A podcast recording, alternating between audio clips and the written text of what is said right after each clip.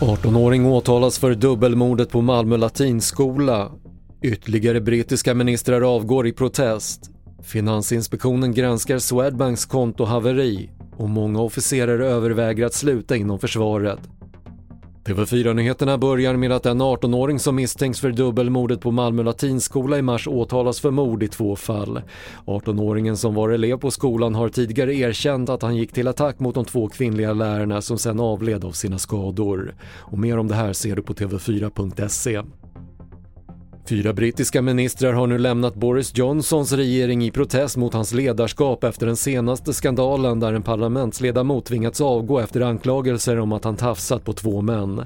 Det senaste avhoppet kommer bara timmar innan Johnson ska svara på ledamöternas frågor i den sedvanliga onsdagsutfrågningen i parlamentet. Och så här säger den brittiske premiärministern. I wish okay. uh, that we had, uh, I in particular had acted on it and uh, that he had not uh, continued in government because he then okay. went on, I'm afraid, to behave, as far as we can see, according to the allegations that we have, very, very badly.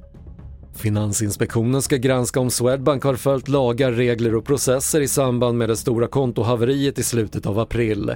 Då försvann de korrekta saldorna på kundernas konton och det såg ut som pengarna försvunnit. Efter att en revisor kartlagt händelseförloppet har inspektionen beslutat att det behövs ytterligare utredning.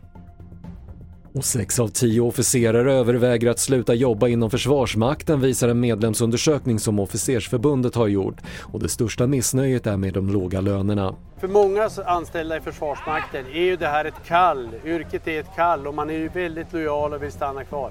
Men om man inte känner att man får en ekonomisk ersättning som motsvarar den investering som man gör som individ, då lämnar de ju Försvarsmakten och då riskerar man ju att tappa operativ effekt.